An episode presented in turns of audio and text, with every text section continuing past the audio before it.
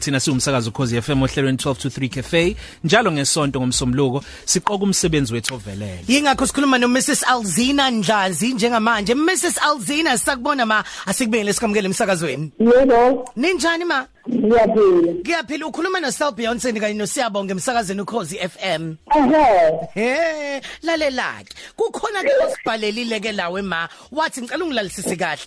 Wathi ngiphamisa umama uMrs Alzina Thindlazi uMatembe. Uthi umsebenzi awenzayo uyaklina aphinda asebenze njenge receptionist endaba funeral home aphinda asize ngokuyongcwaba uma kukhona umndeni oshonelwe okufanele bawungcwabele. Uyawuthanda umsebenzi wakhe kakhulu. Nakube ngaholi imali eningi kodwa ngalomholo nje wakhe ngengisawusho imalini ongafika emalini thizeni kodwa uyakwazi ukuthi akhokhele udade wabo omncane University of Johannesburg owenza financial accounting. Selokhu waqala ukufunda akakaze athula unesifas oyibhasari kodwa nje umama uloke nje qhubeke njalo nje elokhu ekhokha. Hayibo Mrs Alzina wazi wamkhulu umsebenzi Kwanase. Eh nangu ke lo muntu ke esaqhubeka ka futhi esho la beka indlebe ke ma bamba kancane. To three cafe igama lami ngowonder boy ngokwandazi nginominator uma wami eh uMrs.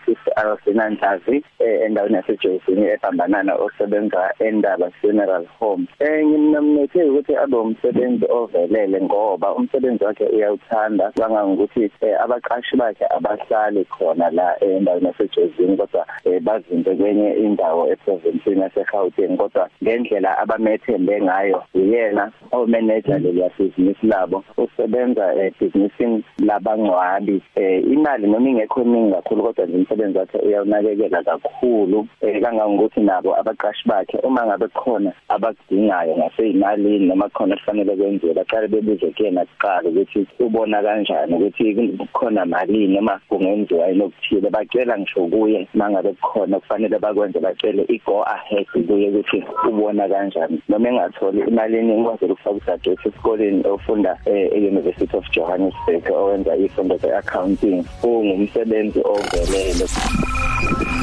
oh yeah Aw alziman.